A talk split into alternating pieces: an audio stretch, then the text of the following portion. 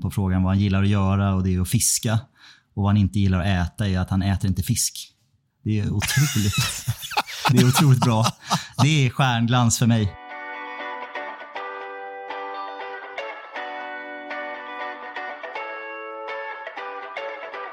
Can Manchester United score? They always score.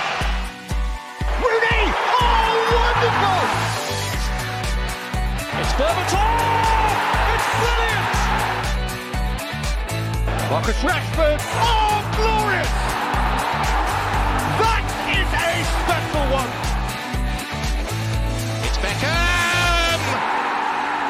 It's a beauty!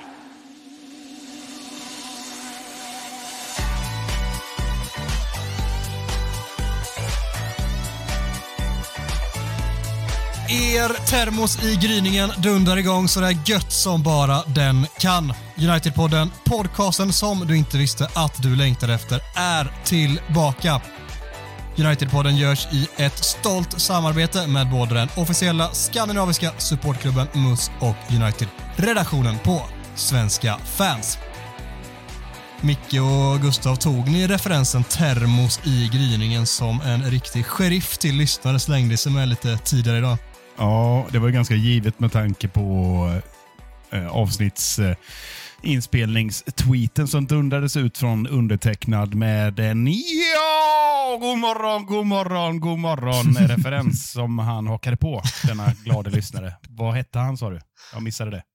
Det är Sir Lorden såklart. Ja, såklart. Vem annars? Kan man se framför sig att han fick ett glädjefnatt när han eh, såg Mickes tweet från sådär 04.30 eller när 17 du skickade ut den. Jag skrev mest 04.30. I själva verket så funkar inte det här autoutskicket, så det var 08.30 kort därefter att jag hade vaknat som jag skickade ut den. Så det var inte så jävla tidigt trots allt. Nej, men eh, 04.30 är ändå... Ja, det hör till referensen om man säger så. Det är habilt. Annars då Micke, hur är läget? Nej, men det är bra tycker jag. Det är eh, eh, luft under vingarna så här 2024. Känner mig eh, otroligt taggad på allt faktiskt. Och själv då, Adam? Va? Gustav, ska du börja sjunga än eller? Det har Ja, jag tar fram, tar fram gitarren här. Vi har jobbat på det här Micke, har vi inte det? Nej, det Så har vi jag, lä inte. jag lägger den i ett C-dur som är din, din vanliga, så får vi klipp, klippa sen efter för att du ska hamna i takt. Det kommer vi ihåg. Ja. På A svarar vi C och på B vet vi inte. Ta över. Ja, så är, nej, så är det faktiskt. Vi får, vi får lauta det. det är faktiskt, vi har ett födelsedagsbarn här i, i, gruppen med, med understrykt och fet stil på barn. Mr Fröberg fyller typ 21 eller något sånt här. Det var sto, stort grattis får vi säga. Grattis! Ja, till att börja med, tusen, tusen tack. Och eh, jag, även jag känner mig plötsligt lite, lite gammal. Det är ju inte 21 längre. Det är de facto 27. Minns ni vad ni gjorde när ni var 27 år gamla, era gammelgubbar? Ja, jag var framgångsrik eh, fotbollstränare i division 6. Eh, nådde en stark fjärdeplats. Eh, hoppade in och tog lite frisparkar och sådär då och då. Champions League-plats. Champions League-plats. Det är bra. Ja, 27, det minns jag knappt. Jag misstänker att jag var ute och reste någonstans. Kan ha varit så. Antagligen. Känns inte otippat. Men du, hörru, hörru Adam, jag har faktiskt lite, Ja. det, det är din födelsedag. Eh, Jag tog en liten titt och tänkte så här, är det några andra kända personer som, som fyller år idag? Delar din födelsedag. Vi spelar in på måndag 22 januari. Har du koll på rak arm om det är några, några kända profiler där ute som fyller år idag? Varför har jag fått för mig att Andreas Isaksson gör det? Kan det stämma? Eh, Det är fel. Så du går rakt, rakt Ja. på en mina här direkt. Så det är så här. Jag tagit, Ja, då, då minns jag inte. Nej, Då minns jag Jag har inte. tagit fram sex stycken namn. Jag tänkte att du skulle få köra en topplista här från, från vad blir det, namn nummer sju till nummer två. Då, tänker jag. Du får väl ha nummer ett-platsen själv då, så får du själv ranka dem vad du tycker att hur de här eh, eh, profilerna står sig på din födelsedag här. Då. Vi börjar att slänga ut ett, ett starkt svenskt namn, eh, August Strindberg, 1849. Hans födelsedag idag också. Hade varit. Eh, jag ser att Micke ser förvånad ut nu. Jämngammal med Roy? Hodgson. Högerback, vänsterback tänker Micke. Ja, Nej, eh, författare Micke. Svensk författare. Jag dödade ummet, Hemsöborna etc. Så där har vi August Strindberg. Eh, lägg på minnet. Eh, Hårdrockssångaren Steve Perry från bandet Journey. Don't Stop Believing som fick lite renässans här när Svampbob Fyrkant-filmen släpptes här för 15 år sedan. Kom den låten igen där. Så har vi, har vi lead singern Journey, Steve Perry. Eh, fotbollsreferens. Frank Leboeuf, 1968. Fint namn. Mittback i Chelsea och världsmästare med Frankrike 98. Eh, känner att han inte spelade så många minuter i det VMet, men en, en VM-medalj fick han. Eh, sen går vi tillbaka in i finkulturen här. Eh, DJ Jazzy Jeff föddes 1965. Det var han som tillsammans med Will Smith eh, bildade duon Jazzy Jeff and the Fresh Prince. Fresh Prince i Bel-Air, eh, andra halvan i den, eh, den hitten. Jag känner att, du, jag ser att du sitter och skriver här och försöker fundera på hur du ska ranka de här. Eh, fotbollsreferens till Hidetoshi Nakata, Nakata ska vi säga, 1977. Är det första och kanske största japanska fotbollsspelaren. Perugia Parma och en kort sväng i Bolton va? I Premier League tror jag. Mm. Japanen. Eh, sist ut, lite smalt. Eh, Hikaru Walter Sulu. Eh, karaktär i tv-serien Star Trek. Som enligt utsago ska födas den 22 januari 2179. Så han har inte fötts än, men hans födelsedag kommer i framtiden. Så där har du sex namn att få bita lite i alltså. Jävla starkt alltså. en svag, det är en svag födelsedag, om det inte vore för dig Adam. Ja, det är tur att någon får bära upp det där. Det är nog jag och eh, Nakata som självklart får andra platsen. Eh, Men i övrigt så är det fan inte starkt. Jag försökte också skriva ner samtidigt och märkte att jag kommer inte ihåg. Så Det går inte. jag tror att, eh, nej men, så, vad heter han, Walter Zulu, sa du det? Mm, Hikaru Walter Sulu, har du Star Trek-aura? Jag vet inte riktigt. Nej, det har jag, jag har inte det överhuvudtaget. Jag har inte sett en sekund, men det var ett jävla gött namn. Jag gillar att det var en, liksom, inte en riktig människa också, att det var liksom karaktär du slängde där. Så den får ju tredjeplatsen då. Starkt. Uh, var det någon DJ också eller? DJ Jazzy Jeff. Tveksamt om han är DJ, men Ja. lite som beatmaker för, för Will Smith.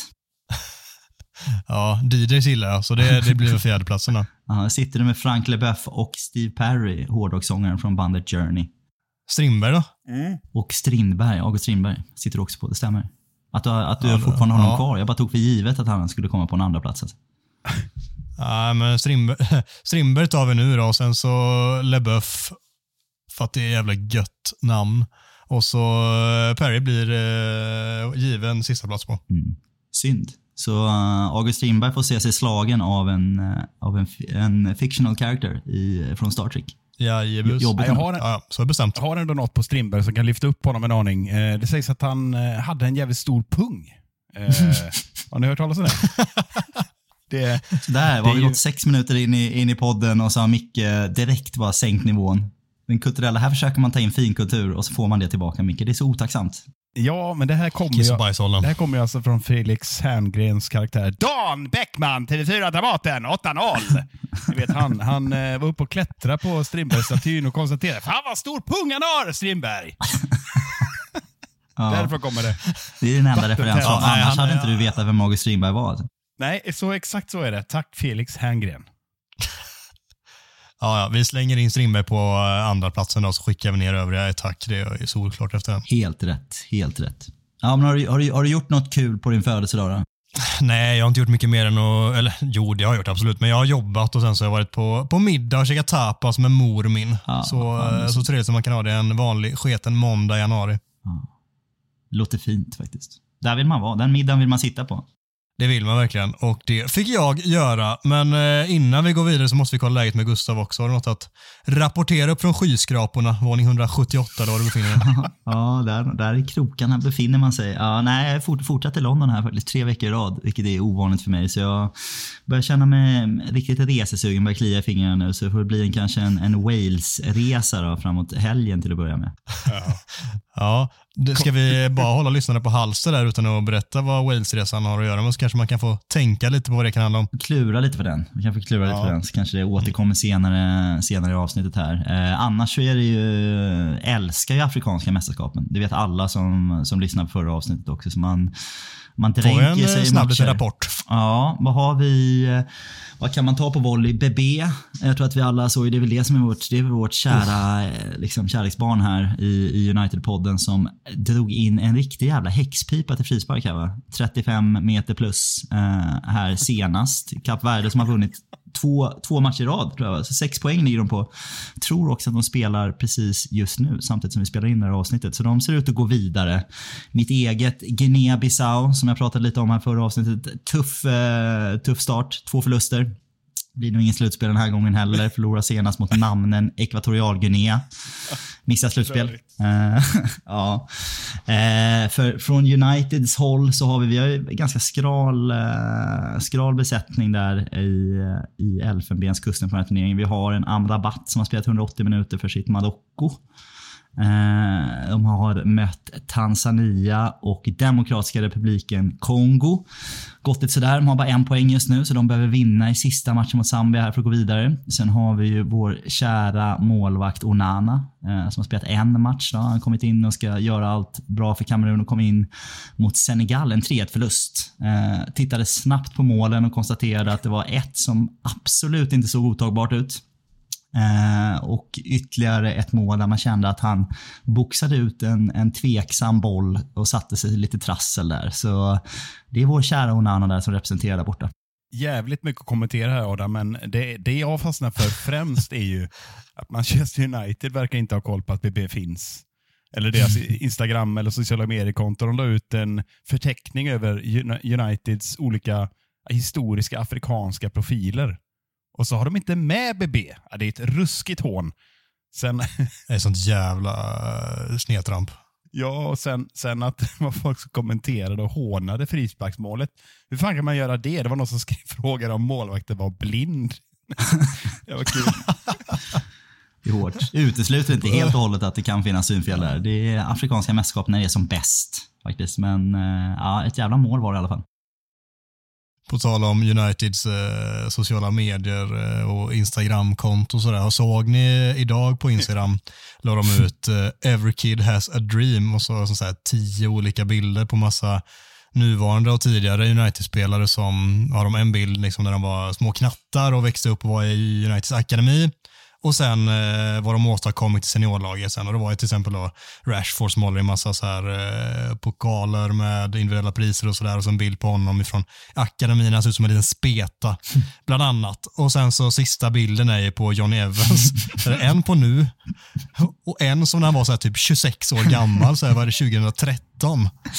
Ja. Han flatline på sitt, på sitt utseende ser precis likadan ut. Alltså. Han är riktigt, eh, alltså, lika stabil där som han är i allt annat han gör i sitt liv. Det är sånt jävla haveri det jävla kontot.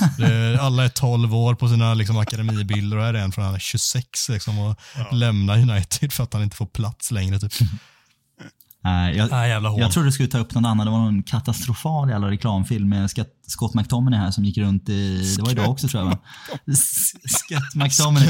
Som, eh, och när du började prata om att all, alla, alla har en dröm så tänkte jag hur fan ska övergången bli att Scott McTominay står i någon jävla snabb, snabbkassa och checkar ut varor där, någon fotbollsskor. Det kanske var det som var hans dröm.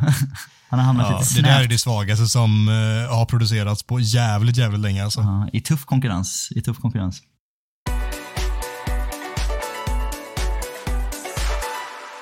Succésegmentet Talk of the Town är tillbaka med tre stycken påståenden med aktuella ämnen som vi helt enkelt diskuterar huruvida det är sant eller inte. Veckans första handlar om en eh, nästan dagsfärsk rekrytering i United av eh, Manchester Citys Omar Berada. Och nej, det är ingen spelare för er som har gömt er under en sten tidigare i veckan här. Men eh, innan vi går in på själva påståendet så är det verkligen på sin plats att gå igenom vem 17 den här Omar Berada är. Så jag lämnar över ordet till Micke så får du eh, gå och plöja det här CVet. Får jag bara fråga, fanns det inte ett önskemål där att det här skulle läsas upp som en uh, When We Were Kings uh, meddelande? nio, nio, nio timmars avsnitt där du kör både, både Niva och vem fan den andra killen är. Alltså. Håkan va? ja, precis. Han heter bara Håkan, inget mer, bara det. Hur hade det låtit? Ta mig från, uh, från Skåne till, till vart han nu kommer ifrån, Niva. Gällivare, men jag är sjukt dålig på... Äh, skånska är jag generellt bra på, men jag, jag har lyssnat för lite på Håkan, för han hörs ju typ 0,3 sekunder av alla avsnitt och sen tar Niva över. Oh. Nej, det får du inte. Eh, lyssnarna har hört, hört nog av eh, imitationer. Nej, men det blir inte nio timmar, men det blir, eh, vi tar ett grepp om CVn här. Eh, och eh, Några saker eh, kommer jag säkert att glömma och då har vi ju oraklet Gustav här i, eh, som kommer fylla i. Men eh, vi gör ett försök. Ja, så är det. Det rör sig alltså om en marockan som är född 1978 i Paris. Han är alltså bara två år äldre än mig. Det är galet vad han hunnit med mer. Man får lite komplex när man, när man eh, så småningom konstaterar. Lyckas du blanda in dig själv där också? konstatera. Det måste man alltid göra. Man måste alltid bencha. Eh, så är det. Men han växte ju då upp i Marocko. Eh, det finns ju en tydlig koppling där. Kolonial sådan på något sätt. Eh, han inledde sen senare då sina studier i USA men hoppade av och flyttade tillbaka till Europa och eh, det här har jag faktiskt inte hört talas om. Eh, ett universitet som heter EU Business School. Alltså man lär sig alltså allt om EU då, funderar jag på. Eller så är det en generell gigantisk business school. Det låter mäktigt i alla fall.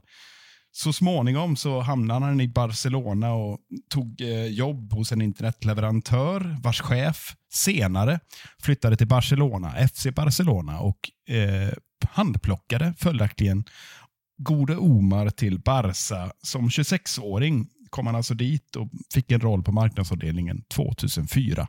Det är i princip 20 år sedan kan vi konstatera. Och sen drog det igång. Alltså under åren i Barca klättrade han ju rätt snabbt i hierarkin. Hör eh, och häpna, det kommer lite titlar här.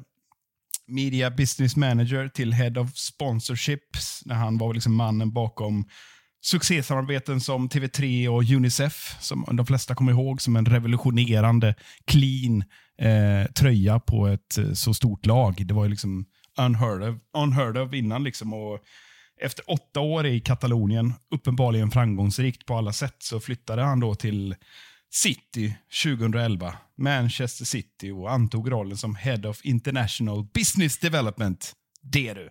Man får ha två visitkort för att få plats på det.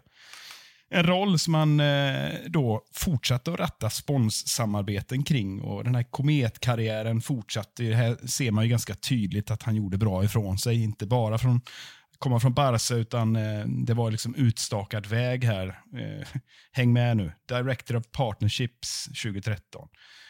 Senior Vice President Commercial Director 2015. Chief Operation Officer 2016 och så småningom så nådde han toppen 2020 då. Eh, den rollen som han haft, nämligen samma roll, Chief eh, Eh, operation, eh, Operating Officer eh, för hela City Group. Så alltså det är en ruskig jävla eh, CV och liksom, då kan man konstatera att han basade för eh, transfer, scouting, sport science och analys. Alltså allt, mer eller mindre. Och sammantaget slår du ihop det med hans liksom, marknadsbakgrund så ja, det finns ju inte jättemycket kvar som han inte täcker när han nu som, vad är det då, 46-åring eh, kliver in hos United som CEO. Så det är, det är ingen duvunge vi pratar om här. Nej, star, starkt CV. Jag tror att en, uh, om jag förstår det, till och med, är det inte så att han till och med är Chief of Football Operations här på slutet för hela City Group? Att han faktiskt täcker hela hela alla samtliga sex lagen som jag, jag kan väl inte ens vilka de är. Det är Melbourne, New York och så är det ju i Spanien och sen så är det två som jag tappar bort någonstans. Finns det ett i Sydamerika också kanske? Någon, ja, ni kan det där bättre än mig. Uh, Eh, hur som helst, så det är väl eh, nej, det är min, minst sagt en eh, jävligt imponerande eh, ett imponerande CV han har. Och framförallt så tror jag att man ska, ska komma ihåg att han, han kom med Öster City ett år innan Begerstein och eh, vad heter han, Sodiano va? Ferran Soliano, vdn.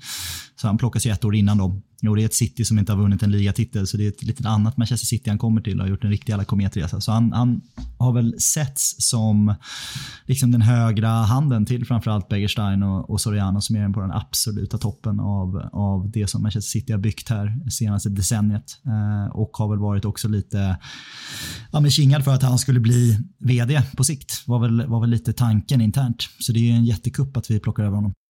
Jag har sett det har spekulerats väldigt mycket kring den biten att eh, han, när han kom in i City så var ju det en klubb som inte i närheten är vad United är just nu och att många drömmer sig bort och tänker liksom att här, här har vi en någon som kan komma in som har den här erfarenheten nu av att göra detta och som också har ett, inte på något sätt ett perfekt bord, men ett mer dukat bord än vad han hade i City och att det därifrån kan gå ganska snabbt och det får vi verkligen se hur det blir med det. Men jag, jag förstår liksom grundtanken med det, att han har ju betydligt mindre att göra i grund och botten här, tror vi i alla fall, än vad han hade när han kom till City. Sen finns det ju svårigheter också när en klubb med så mycket ingrodda gamla vanor och liksom folk som har bestämt sig för att det ska vara på visst sätt. Så det finns säkert en jävla massa att städa undan också, men det känns ju som att det i så fall är rätt person på rätt plats för att göra det. Han har ju verkligen CVt för det som ni båda har varit inne på. Vi har ett påstående till detta också efter den gedigna genomgången om Omar Berada och eh, påståendet lyder så här.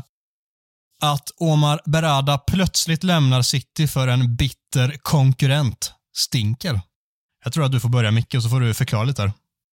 Ja, alltså jag, har ju, jag kallas ju för eh, tydligen av eh, en eh, kollegor här som positiva Micke. Att jag ofta försvarar United och försvarar spelarna och framförallt försvarar Ten Hag. Det får jag ofta äta upp. Och Sen har jag väl kommit ut för att referera till mig själv då, som en slags skeptiker kring det här ägarförändringen. Och Det är jag inte för att jag gillar Glazers. Det är för att jag är lite skeptisk till att eh, folk eh, är väldigt, liksom, jag ska inte säga verklighetsfrånvända en del fans tror att det är bara att snurra med någon slags trollspö. Så städar man upp i ledningar och sätter liksom nya, nya ways of working på alla, på alla liksom plan. Det är inte så enkelt. Om vi börjar där först och främst. Men givet som du säger Adam, eh, och som vi är inne på, CVn är ju fantastisk.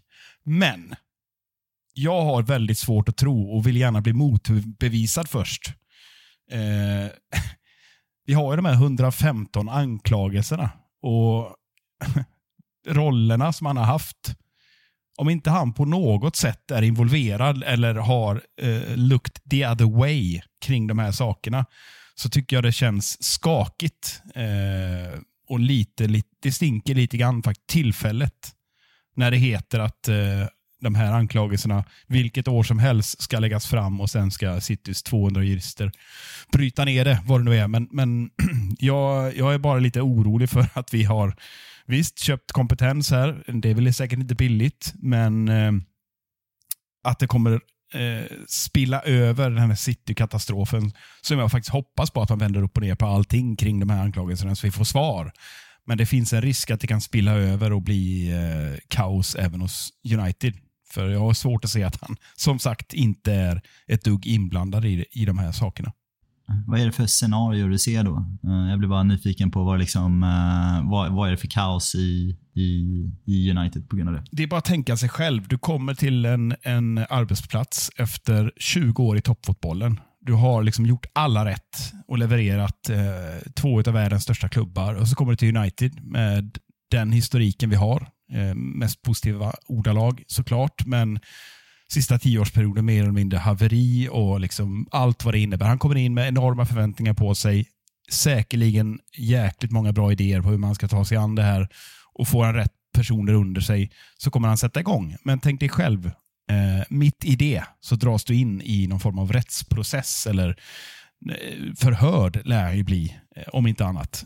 Mm. Och Hur går det då med fokuset? Och hur, eh, liksom, när du har säkerligen behöva jobba 70 timmar i veckan på att få ordning på din nya klubb och så ska du dessutom då ställas till svars på något sätt för eventuellt gamla synder. Jag bara, jag bara spelar upp ett scenario där det kan bli oerhört mycket fokus på honom som person i sin nya klubb.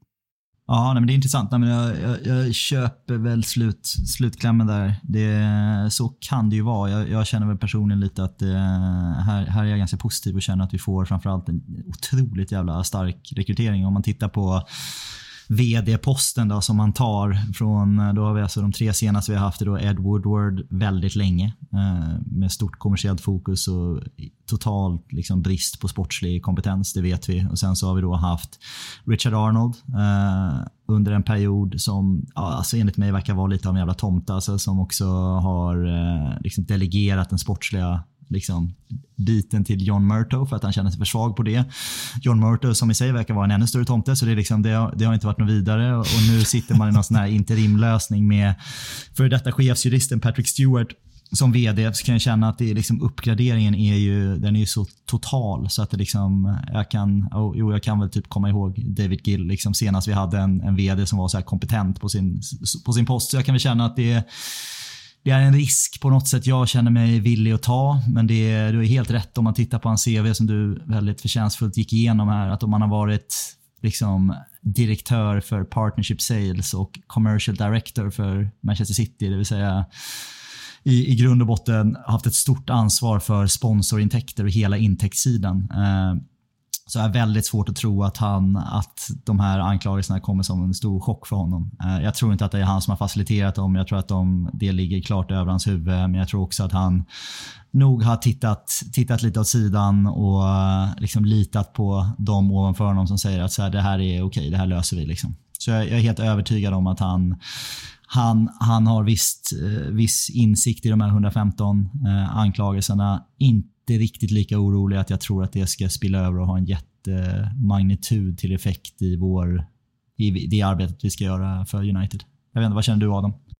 Mer som du känner där. Jag är absolut inte helt uh, oberörd av det faktumet att han måste ha indirekt eller direkt varit inblandad slash involverad på något sätt i de här 115 fallen. Det vore uh, häpnadsväckande om han inte varit det och då kan man nästan också börja ifrågasätta snarare hans kompetens, vilket inte borde man kunna göra. Man borde kunna göra med tanke på CV, men om det liksom har helt undgått honom, det, det vore också konstigt. Uh, med det sagt så är jag med det. Det, av, liksom, det kan ju inte ha varit han som har faciliterat det och varit den som dratt igång det, utan det är såklart saker som har tagit, eh, beslut som har fattats ovanför hans huvud och så vidare. Eh, generellt kring det, liksom hela anställningen så är det såklart en positiv bild, vilket egentligen enbart faller på det CVt och alla röster man hör om honom och läser om honom där ute som eh, på ett eh, nästan ovanligt unisont sätt är bara enbart positivt mm. om all inverkan och påverkan han haft på alla mm, alla två klubbar han har varit men i alla roller han har haft också. Att det är så en otroligt kompetent människa. Och det, det är väl det som kittlar mest. Sen får vi hoppas att han är, liksom är så pass eh, oskyldig som krävs och som känns liksom fine också för detta. Och det får väl bara hoppas på att United har gjort rätt. Det, det, alltså det, det ska gudarna veta. De har ju också gjort sina fel, så det kan vi nog inte lita blint på. Men vad fan ska vi göra då? Det, det får, eh, framtiden får uträtta och utvisa vad sjutton som händer med den biten. Men att det är en man med ett CV som ska kunna lyfta den här klubben, det är klart. Och kan inte han det, då känner jag då är det nog fan kört med den här klubben. Ja, men lite, lite så. Ja, förlåt Gustav. Nej, men eh, det är jag med på. Liksom, om, man, om man breddar det lite då. Vi har ju sett det att det har handplockats eh, ledare och, och ja, men, nyckelpersoner i, mellan toppklubbarna tidigare. Men det här är en ganska kontroversiell övergång eh, eftersom det är statsrivalen vi pratar om. Och Jag tänker liksom att eh, ja, inom vissa bolag, vissa branscher så pratar man om karantän, det vill säga att du kan inte gå till motsvarande verksamhet inom eh, två år eller vad det är. Det, här, det är det jag tycker stinker lite, att, eh, att det liksom, eh, jag vet inte när han kommer över, när det blir officiellt. Är det, är det Sommaren. Sommaren, Tro, ja. ett halvår. Troligtvis sommar. Men inte Lite bestämt. överlämning och... Ja, det är det, ja, mm. Inget är 100% spikat, men det är det som de mest trovärdiga rapporterna säger. Ja, men det är svårt att tänka mig att han har fulla... Det blir nog en liten tidig semester där från City när han har lämnat över till någon annan ganska fort. Sen fryser de inloggningen. Liksom. Nej, så brukar det gå till. Så jag, jag bara tänker liksom att ja, men City de står inför någonting. Vad jag tror i alla fall som de nog aldrig har stått inför. Det är min förhoppning. och Då är det lite lägligt att hoppa av. Så vänder man på det till det positiva så kan man ju förstå att han söker en ny utmaning i just det här läget. Det är bara det att jag tycker det, känd, det luktar lite konstigt, men det är kanske bara mm. jag som tar i. Ja, men det, det, finns något där kanske. Jag vet, jag vet inte. Jag tror att det är så här, om jag ska försöka se lite win-win scenario så är det väl, skulle det riktigt skita sig för United, det, alltså i värsta fall så är det väl att den här, de här anklagelserna de står, står under, eh, att det blir fällande dom och flera av de här eh, direktörerna i City och eh, inkluderat då, då våran nya VD får typ näringsförbud inom, inom typ Uefa då, eller Premier League eller Fifa kanske till och med. Eh, och då känner jag att det är ändå på något sätt en, en risk jag är villig att ta. Om vi får bort Chicky Bergerstein och Soriano från City i samma veva, att de inte får, får fortsätta. Liksom, så känner jag då är det okej att vi tappar en VD som vi kanske har haft i, i sex månader. Eh, om man tittar på den potentiella uppsidan som vi har med vad vi skulle kunna få med honom. Mm. Och sen är det ju vad detta får för ringa på vattnet också i United framöver. Det är ju han som ska vara en del av beslutsfattandet i de som ska arbeta under honom, vilket också kittlar väldigt mycket att, att se vilka det landar i. Av allt att döma så är det ju Dan Ashworth i, eh, i Newcastle som är liksom huvudspåret till att bli sportchef, teknisk direktör, vad man nu eh, väljer att eh, inrätta för roll där. Och det kittlar ju också mycket att se vad det, liksom, det, vad det nya United under Sir Jim Ratcliffe vad det formas till. Och Det är också en, en del av detta som går ifrån själva påståendet men som jag har svårt att inte tänka på också för att det det, det känns så väldigt nytt och spännande, vilket vi inte har varit bortskämda med att få känna på senare tid. Så där, där låter jag mina tankar bara få, få flöda för en gångs skull och så eh, får jag väl få en rejäl smocka sen när det går åt helvete. Men jag vill vara liksom optimistisk här och väljer den sidan den här gången.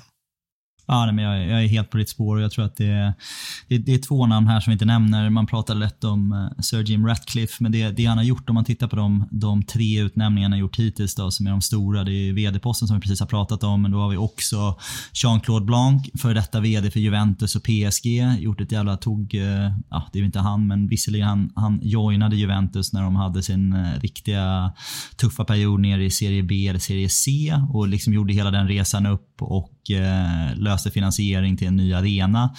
Sen ett jättejobb hela PSG-resan mer eller mindre eh, är ju Jean-Claude Blanc som har varit VD för, för PSG. Så otroligt jävla starkt namn att få in på styrelsenivå. Eh, om man jämför med att då typ Richard Arnold suttit på den styrelseposten tidigare. Liksom. Så det är lite, lite skillnad där. Och Sen så har vi en liten personlig favorit Det är Sir Dave Brailsford som är betydligt mer okänd i, i fotbollsvärlden, eh, vilket han, eh, han erkänner själv också för han är inte jättefotbollsintresserad. Däremot så är han fadern till metodiken marginal gains eller marginella förbättringar som han då har liksom använt den här 1%-regeln i brittisk cykling, segling, löpning liksom grejen om att bryta ner alla små delar, minsta möjliga komponent och se om man kan göra allting 1% bättre. Eh, jag hade förmånen att lyssna på en 90 minuter podcast med honom här med Steven Bartlett, CEO eh, intervju 90 minuter. Otroligt jävla intressant. Rekommenderar alla att lyssna på den. Alltså. Och det är, om ni lyssnar på de 90 minuterna kan ni känna att man är i ganska goda händer om man tittar på vilka personer det är som kommer in i,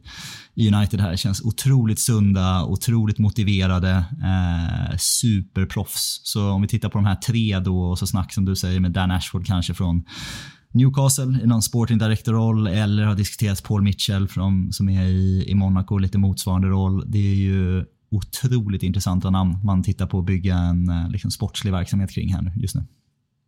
Och för att bara avsluta, det har ju också varit snack om att båda de två ska in i någon form av eh, i någon dubbelroll där de ska jobba tillsammans, både Mitchell och eh, Ashworth. Det återstår att se vad det blir, om det blir någon av dem eller om det blir någon annan, men klart är att United går för de allra bästa i branschen och det är ju extremt kittlande bara det i sig. Hur mår Darren Fletcher just nu? Känner han sig trygg på sin... jag, tänkte, jag tänkte precis säga vilken roll får han nu? vart, vart pusslar man in eh, Darren Fletchers CV på det här? Ja, vi får se. Jag gillar Fletcher i och för sig. Se om de kan hitta en liten plats för honom någonstans. Lisandro Martinez comeback vänder säsongen. Och jag tänker att Gustav ska börja här, men vi stinker detta också väldigt mycket Micke Martinsson-påstående. ja, här, här, här mår han bra. Så här, så här går det när man, när man över, överlåter arbetet mm. till, till Micke. Mm. Ja, men det är, men här, här är jag med dig Micke. Jag, eh, jag tror av alla de här spelarna som vi har, vi har haft borta under den här säsongen så tror jag att vi kan ha störst, störst inverkan på att få tillbaka en spelskicklig eh, superproffs till vänster inneback som Lisandro Martinez är. Jag tror att det skulle kunna öppna upp väldigt stora nycklar. Precis på samma sätt som jag tidigare sagt att Rasmus Höjlund löser allt. Eh, jag får väl eh, inse att Rasmus Höjlund har inte löst allting när han har kommit in. Det är jag beredd att pudla på hittills i alla fall. Då. Lite smått. Men eh, så tror jag att, nej, men jag tror att det här är en jätte, jätte nyckelplats att få tillbaka. Om han kan kontinuerligt komma tillbaka till närheten av den toppnivån han, han har.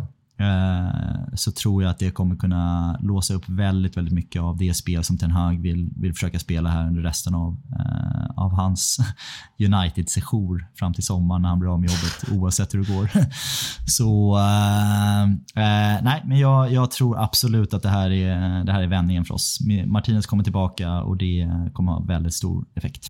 Jag håller med dig om att det absolut är den spelare, de som varit eh, borta längre tid under, eller längre tid, eh, längre perioder under säsongen rättare sagt, att det är den som kommer att ha störst effekt på spelet och betyda mest att få tillbaka. Men eh, jag tror inte att det vänder säsongen per se. Men det, det, det känns som att det fortfarande är ett lag som är för lågt. Jag vill se så mycket mer innan jag ska våga ens ta de mm, orden i handen och känna på dem. Eh, det kommer göra stor skillnad och jag hoppas att det gör tillräckligt stor skillnad för att eh, vi ska kunna benämna det som att det vänder säsongen. Kanske kan det plana ut säsongen i alla fall och det är väl bra det om något. Men eh, det krävs så mycket mer än, än Lisandro Martinez och eh, det Alltså så här, tanken brottas med samtidigt är att just den positionen, för att uh, liksom lägga ut de tankarna lite mer, bredda, den, bredda det resonemanget, så just vänster mittbackspositionen har alltid varit så extremt viktig för Erik Den Hag. Så där talar vi mer in i liksom Gustavs hypotes att det vänder sången, men just vänster mittbacksposition har varit väldigt viktig i hans spel. Att ha en vänsterfotad mittback framförallt och en spelskicklig sådan också gör enorm skillnad. Båda mittbackarna ska vara spelskickliga, men just vänsterbackspositionen har, har varit det tidigare och kommer fortsatt vara det. Det var därför Daley Blind var så, eh, en sån nyckelfigur i hans Ajax till exempel och varför Lisandro Martinez sedan blev det i Ajax och varför han sedan blev det när han kom in i United. Det är klart att han kommer göra stor skillnad. Sen hade han en rätt tuff start på säsongen. Förhoppningsvis kan vi bara skylla det på att han hade problem med skadan fortfarande, att det är uträttat nu, att han då är tillbaka. Men jag vill fortfarande se det, för det är en skadeproblematik som har hållit på ganska länge nu för honom och det är nog inte bara kliver ut på planen så är det över. Det, och jag hoppas att det inte blir något bakslag, men vem fan vet liksom. Jag, jag, är, lite, jag är lite mer försiktigt optimistisk där. Det, jag tror att han planar ut det, men han vänder inte. Fan vad neggigt. Jag har stått och frustat här nu och ville komma in.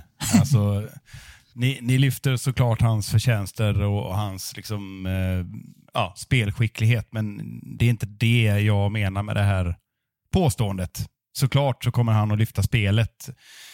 Och han kommer med sin vänsterfot göra underverk, men eh, det är framförallt hans ledaregenskaper som jag tycker att han har. Alltså det finns, tycker inte jag, i den här truppen en motsvarande ledartyp. Alltså den energin, nivån han tävlar på, som man brukar säga där borta i England.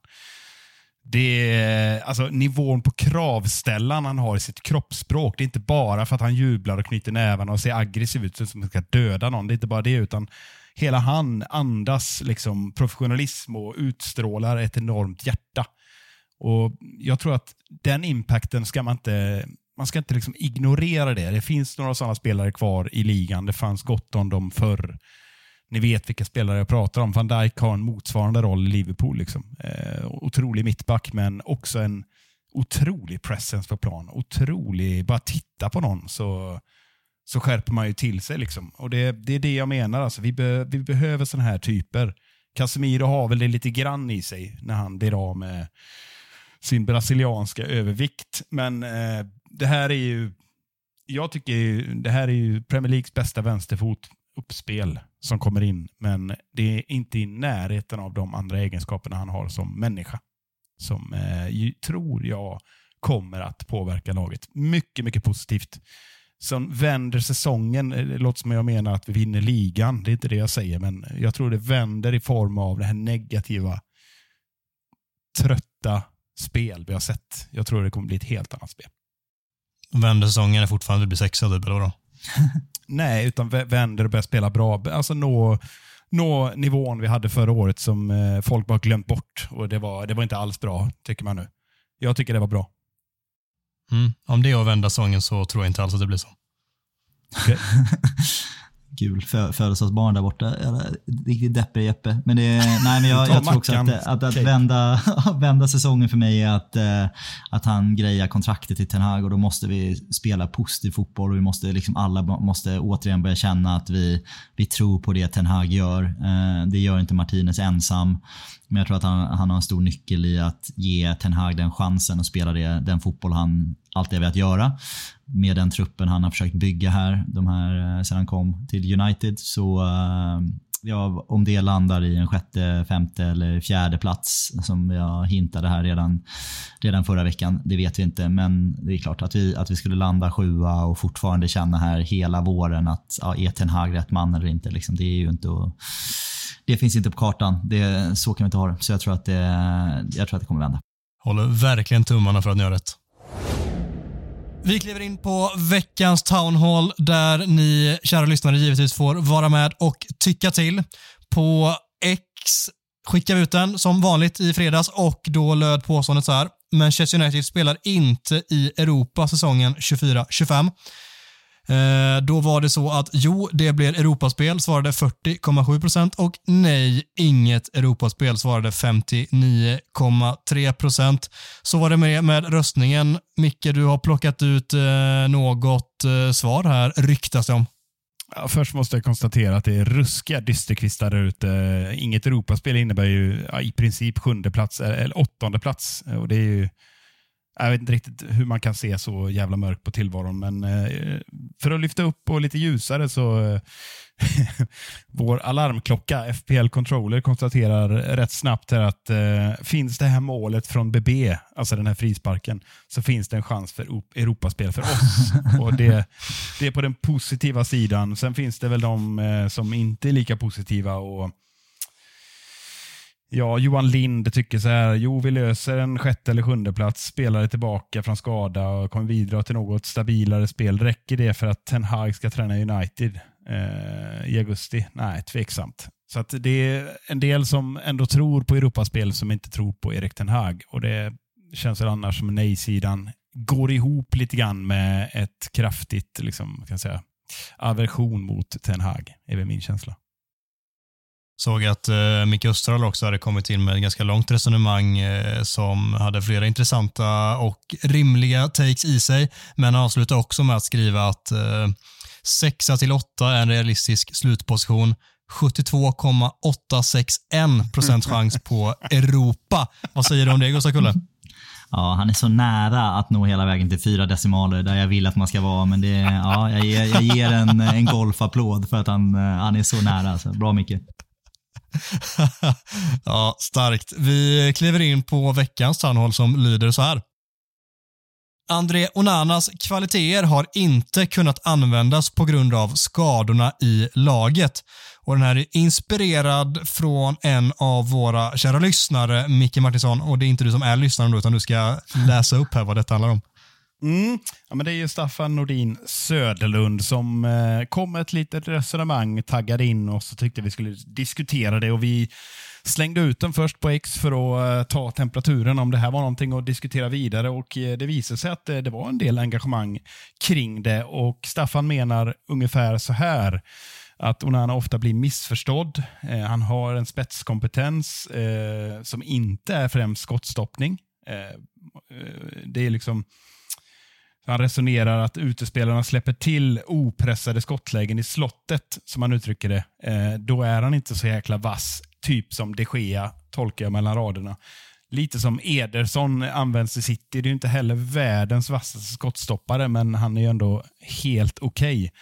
Och sen fortsätter han lite grann då att, att eh, Onanas kompetenser eh, och hans roll, varför han blev värvad för att facilitera det här uppspelen som inte fanns innan, eh, in, innan eh, Ten Hag kom till klubben och hade en ambition att ändra det i alla fall. Och då menar då menar Staffan här att eh, de bolltrygga mittbackarna med Martinez i spetsen, Shaw, även Casemiro på mitten. Nu har vi fått in Kobbe i och för sig, då, men han menar att det har varit för dåliga, eller de bra fötterna har varit skadade och det har varit för dåliga fötter vilket har gjort att det inte går att triangelspela sig förbi med hjälp av, eh, under ledning av Onana. Det är hans take på det. Jag tycker det finns någonting här att ta tag i. Och jag, vet inte, jag har ju en take såklart på det, men eh, Adam, du kan få den här tillbaka. Vad, vad säger du om resonemanget från Staffan?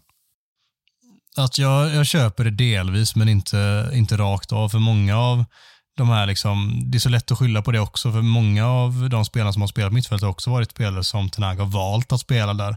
Han har valt att spela McTominay när det finns mer bollskickliga spelare att tillgå om man så vill, till exempel. Och man kan fortfarande försöka implementera ett spel på ett liksom, mer spelande vis än det han har gjort, trots att du inte har dina allra mest bollskickliga spelare. Och Sen vet jag inte om Casemiro ska ens räknas in där i bollskicklig skara. Han eh, han är bra på att skydda boll och vinna boll och snabbt spela vidare, men att han skulle vara en bollskicklig, trygg liksom, passningsspelare, det, det är han ju inte riktigt. Sen vet jag inte om det var exakt det han, han menade, jag ska inte lägga ord i Staffans mun, men det, jag, jag har ju sett där ute till folk som har lyft upp honom i liknande resonemang när det handlar om spelare vi saknar för att kunna spela det spel som Ten Hag vill och det, där är jag inte alls riktigt. Men det är klart som 17 att det har spelat in att vi inte har den typen av spelare. Det såg vi ju redan bara de minuterna som Lisandro var inne nu senast, att det blev väldigt mycket bolltryggare bak. Det var en eller ett par gånger som Onana vågade sätta passningar till Lisandro som han inte har vågat till en Johnny Evans till exempel som inte har de mjuka fötterna. Förlåt Gustav, men det är sant. Och eh, och Det är klart att det, kom, det kommer göra skillnad och det kommer bidra till en ökad trygghet i Onana också. Liksom. Men eh, nej, alltså kantboll på den. den. Lite grann, men inte så mycket som eh, vissa kanske vill påstå att det har påverkat. Ja, det, det är lite rakt in i farstun för mitt resonemang, för det är det här jag har liksom försökt säga. Jag tycker det här påverkar mycket, mycket mer och det är inte bara att Licha har varit borta, utan jag tycker det har stört eh, ja, men det har stört uppbyggnaden av det här spelet. Eh, det är klart som fan att det hade sett bättre ut eh, om United hade fått ha hela truppen frisk och han hade kunnat liksom sätta en struktur med, med färre spelare. Som, vi behöver inte ha, vad det nu är, 15 kombinationer vi haft i backlinjen. Med Maguire och, som eh, inte kan spela höger och Varann som inte kan spela vänster. Eller hur var det nu? Det, ja, ni vet allt den här cirkeln som, som har varit. Jag tror att det har spelat in, vilket har skapat det här liksom det här eh, havererade försöket till att ändra ett helt lags filosofi som vi ändå pratar om. Det är inte bara knäppa med fingrarna och göra det. Nu tar vi Ajax-modellen. Jaha, vi hade, saknade tio spelare varje match i 20 matcher. Men det spelar ingen roll. Det, det är tränarens fel bara. Det har jag vänt mig mot hela tiden och jag står fortfarande kvar där. Men, med det sagt. När Onana håller på att ta det här lilla kaninskuttet varje gång han ska hoppa ner och rädda bollen ner vid stolpen, som han gjorde, som du beskrev Gustav, i Afghan här nu senast. Eh, ja. Det var ett nytt sånt där ett galet jävla simhopp.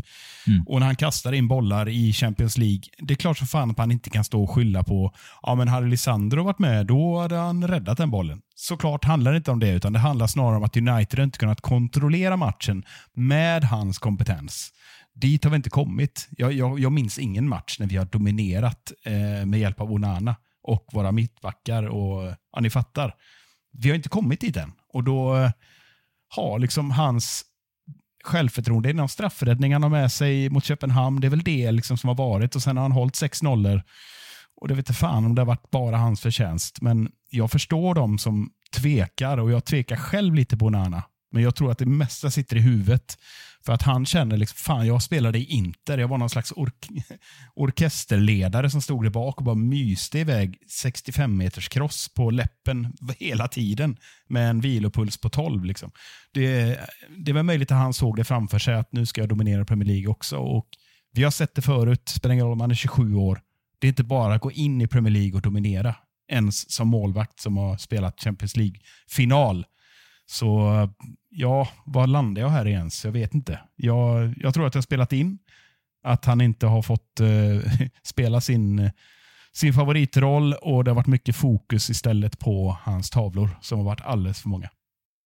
Mm. Och Gustav, du ska få komma in här. Jag bara det är klart att jag som 17 att jag spelat in. Det är tveklöst och det är klart att han ser ut som en sämre målvakt när hans absolut främsta styrka inte får tillgodoräknas, inte får blottas, inte får synas överhuvudtaget. Det är klart som sjutton att det påverkar hela bilden av André Onana som målvakt. Och det påverkar givetvis hans självförtroende också. Det hade säkert gjort att han hade gjort vissa räddningar kanske som han inte har lyckats med eh, liksom tidigare och vi hade sett värvningen fram till idag som väldigt mycket bättre. Jag är ganska, eller fortfarande positivt inställd till Onana och tror att det kommer visa sig bli bra detta i slutändan, men Hittills har det inte varit tillräckligt bra, men jag tror fortfarande att det kommer bli bättre. Men jag, påståendet i sig, alltså så här, jag, att André Onanas kvaliteter inte har kunnat användas på grund av skador i laget, då, det har spelat in såklart, men jag svarar ja eller nej så säger jag att det inte är så. Nej, jag sitter och lyssnar. Jag tror att det är, vi har det är mycket ord, men jag tror att vi har ganska mycket samsyn här. Jag tror att det känns som att vi alla egentligen svarar ja och nej och egentligen av samma anledningar. Och jag känner precis likadant. Det, det jag kan vända mig mot, som jag tror kanske Micke var inne lite grann på, är att jag jag tyckte ändå att när vi, när vi köpte Onana så var det ju dels att vi köpte en väldigt bra shotstopper och en pålitlig målvakt som dessutom skulle vara en av de bästa i världen på spelet med fötterna. Jag, jag tyckte inte att man köpte en spelare som liksom, hans stora spetskompetens var bara med fötterna och sen så var han liksom en slarvig målvakt ut, utöver det. Utan han var ju också en jävligt bra målvakt. Liksom. Och jag känner att den här jävligt bra målvaktsbiten har vi ju inte fått. Liksom. Det har ju varit alldeles för osäkert. Det har varit alldeles för liksom osäkert i luftspelet och det har varit för, för många situationer där man känner att det, det där är nog en boll som han nog kanske ska ta. Liksom. Och så himla många matcher har vi inte hunnit spela för att han ska kunna samla på sig ett sånt liksom, low light reel redan. Liksom. Så jag tycker att han han har garanterat blivit begränsad eh, när det gäller uppspelsfoten. Det är inget snack om saken. Det sättet som Ten Hag ville spela på med Onana har vi inte kunnat spela på. Eh, så vi har inte fått se det bästa av honom än när det gäller den biten. Men han har absolut bara sig själv att skylla och sitt eget ansvar för liksom, basspelet som målvakt som han inte har satt i United. Så jag tycker inte att man kan ge några ursäkter för det på grund av att eh, vi har haft eh, liksom stökiga backlinje och mittfält framför honom. Så jag lutar nog också mot att det får bli ett nej eh, på den.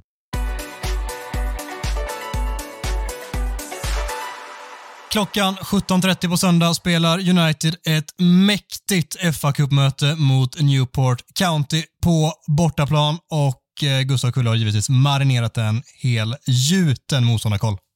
Mm, som jag har. Jo, jobbig motståndarkoll nu, för det här, det, här är ju ett, det här är ett lag som vi inte har stött på förut faktiskt. Vi har faktiskt aldrig betts. Så jag tänkte att jag skulle gräva fram någon sån här skön liten gammal 1800-tals anekdot från när vi möttes första gången, men det, det finns ingen sån.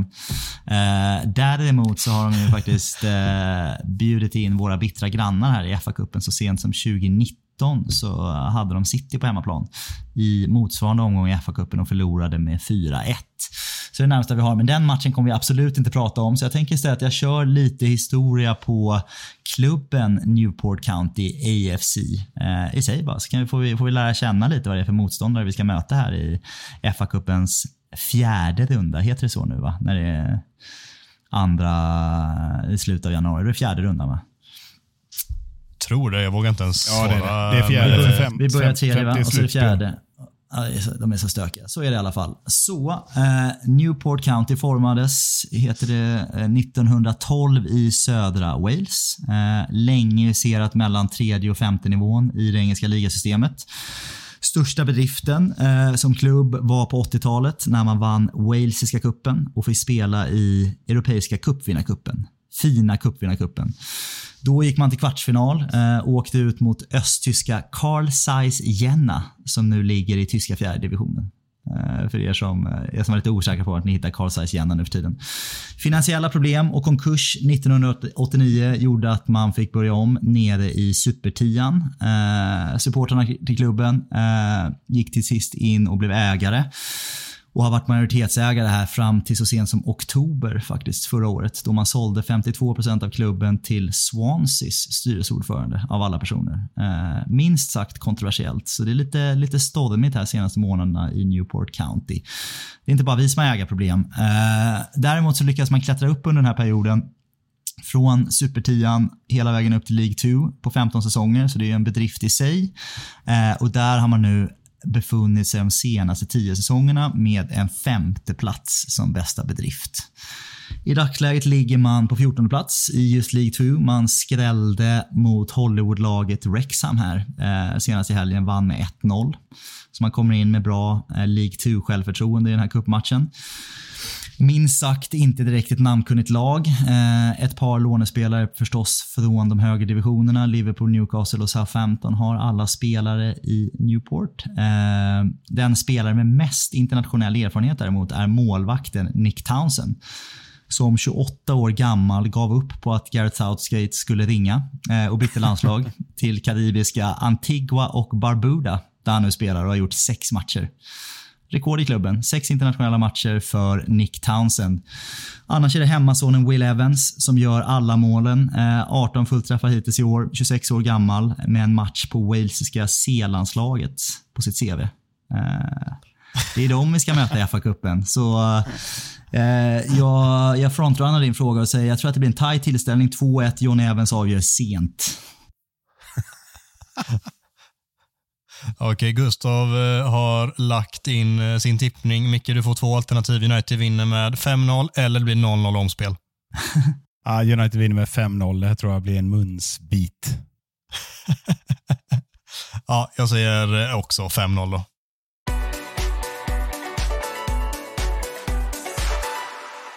Vi avslutar givetvis med lite lyssnarfrågor och eh, den första kommer från allas vår högerback Aaron Walker. Eh, jag kör den till dig Gustav. Spelas Afcon varje år eller känns det bara så?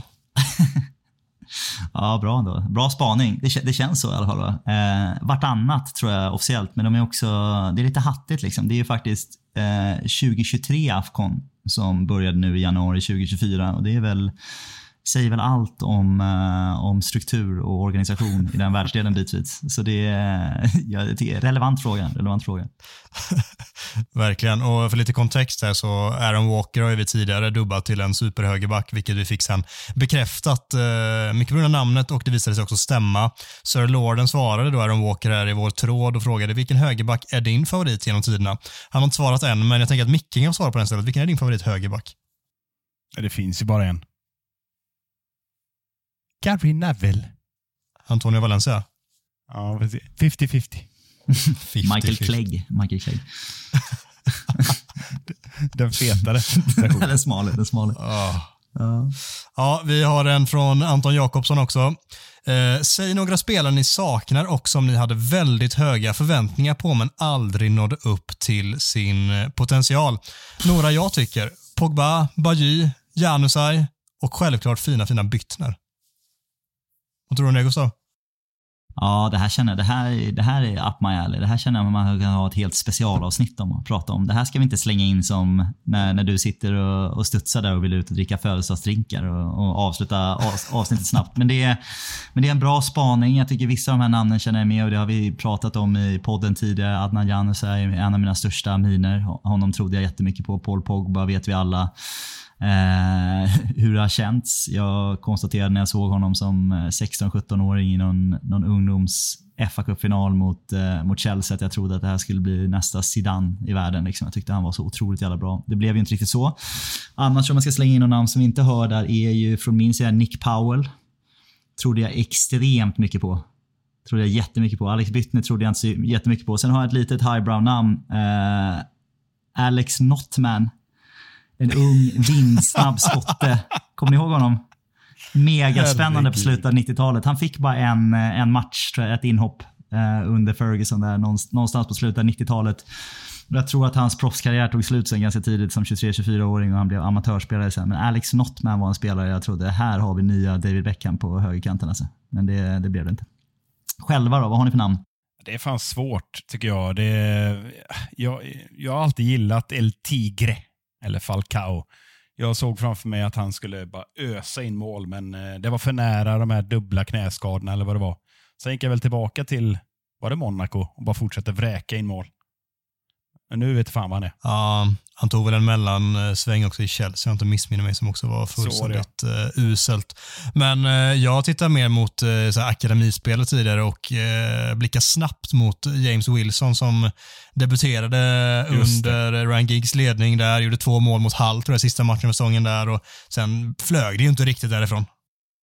Det kan man säga, det var han och var det Tom Lawrence, hette den andra killen det, som spelade i samma match också? Eller? Vänster, vänster Jajamän, det så är bestämt. Ännu mer anonym än James Wilson. Ja, ja verkligen. Uh, Sir Lorden har även han en fråga rakt till oss. Uh, den får du svara på Micke. Kommer vi om 14 år, när vi börjat prenumerera på de stora titlarna igen, se tillbaka på den här mörka perioden i vår stolta historia och skratta åt den? Ja, 100 procent. Det är en eh, otrolig spaning av Cerlode. Eh, jag är helt enig. Bra, och vi avslutar givetvis med eh, fråga till Gustav från Micke Österdahl. Kan vi få en genomgång av The Bears sex Emmys och varför de var välförtjänta? Gustav Kulle. Följdfråga. Drama eller komedi? Ja, bra. Jag får alltid liksom, jag åker på de här att jag inte sitter och läser våra Twitterflöden så att jag kan förbereda mig på de här frågorna. Men bra, bra spaning. Micke vet att jag är en stor The Bear-fan. Den här, eh, den här, den här restaurangserien som utspelas i Chicago. Eh, var, jag försöker köpa mig själv lite tid här på frågan. Vad sa vi? Sex stycken fick de. Det stämmer, det var Emmy-galan här förra veckan.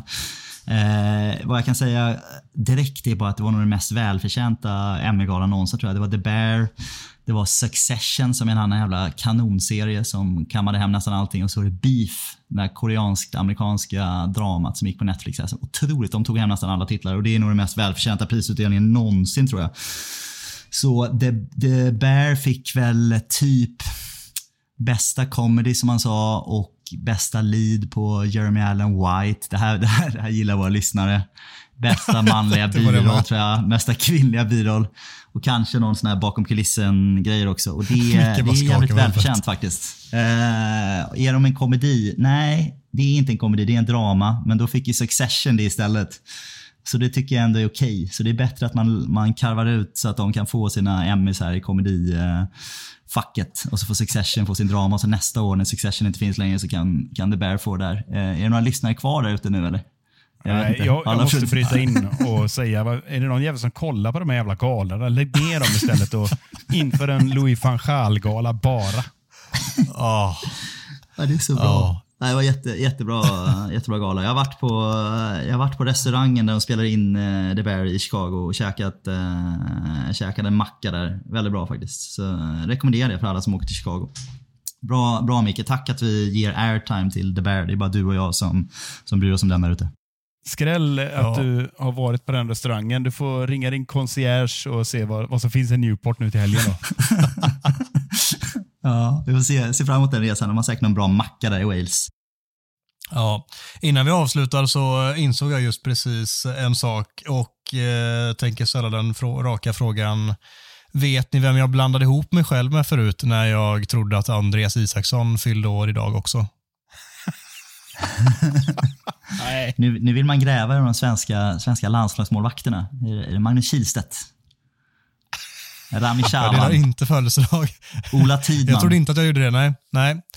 Han eh, delar födelsedag med en fotbollsspelare som eh, jag vill påstå har samma fotbollstalang som jag själv, som är en av de största i svensk historia. Jag tänkte säga, är han inte ett augustibarn med Zlatan eller? Är inte det som är grejen? Ja, oktober, 3 oktober, ja. till och med. Okej, men de, är, de har samma födelsedag, inte så? Så är det verkligen. Så eh, jag blandar ihop mig själv med Zlatan, vilket jag tycker är fullkomligt jätterimligt. Ja, Isak och Zlatan, lite samma, samma känsliga fötter där, har de inte det? Ja, jo, snarlik. En, en, träff, en träffar alla jumbotroner varje match, och om det nu finns en sån. Och den andra eh, är uppe och cykelsparkar från den. Skulle ni säga att de har samma stjärnglans också? Lite så. Det här, det här är en, eh, det här är metaspaning för er som eh, läser andra svensk fotbollsmedia. Men det är också så att Andreas Isaksson har svarat på några sådana här snabba frågor med, med Andreas Isaksson på frågan vad han gillar att göra och det är att fiska. Och vad han inte gillar att äta är att han äter inte fisk. Det är otroligt. Det är otroligt bra. Det är stjärnglans för mig, tycker jag. Det är, det är allt jag behöver veta om Andreas Isaksson. Älskar fiske, men äter inte fisk. Han framställs också som eh, IQ Fiskmås i, vad fan var det, Partaj eller något sånt där. Bara stod med hela s- snus hela käften. Bara, Ja, så jävla dåliga imitationer partaj. Det kommer till och med jag ihåg från min svenska tid. Alltså. Nej, Isaksson ska ha, ha mer cred än vad han har fått. Verkligen. Det är väl så vi tar och avslutar det här avsnittet, eller vad säger ni? Mm. Det gör vi. Vi eh, riktar givetvis det stora tacket till er kära lyssnare som orkar med oss hela vägen hit och som följer oss varje vecka och som dessutom skickar in fråga på fråga. Vi är extremt tacksamma för det. Ni som inte gör det, följ oss jättegärna på sociala medier. Där heter vi United-podden överallt. Det här avsnittet gjordes i ett stolt samarbete med United-redaktionen på Svenska fans och den officiella skandinaviska supportklubben MUS. Vill du resa till Manchester, bli då medlem i supportklubben på mus.se och få tillgång till deras 500 säsongskort på Old Trafford. Ta hand om er.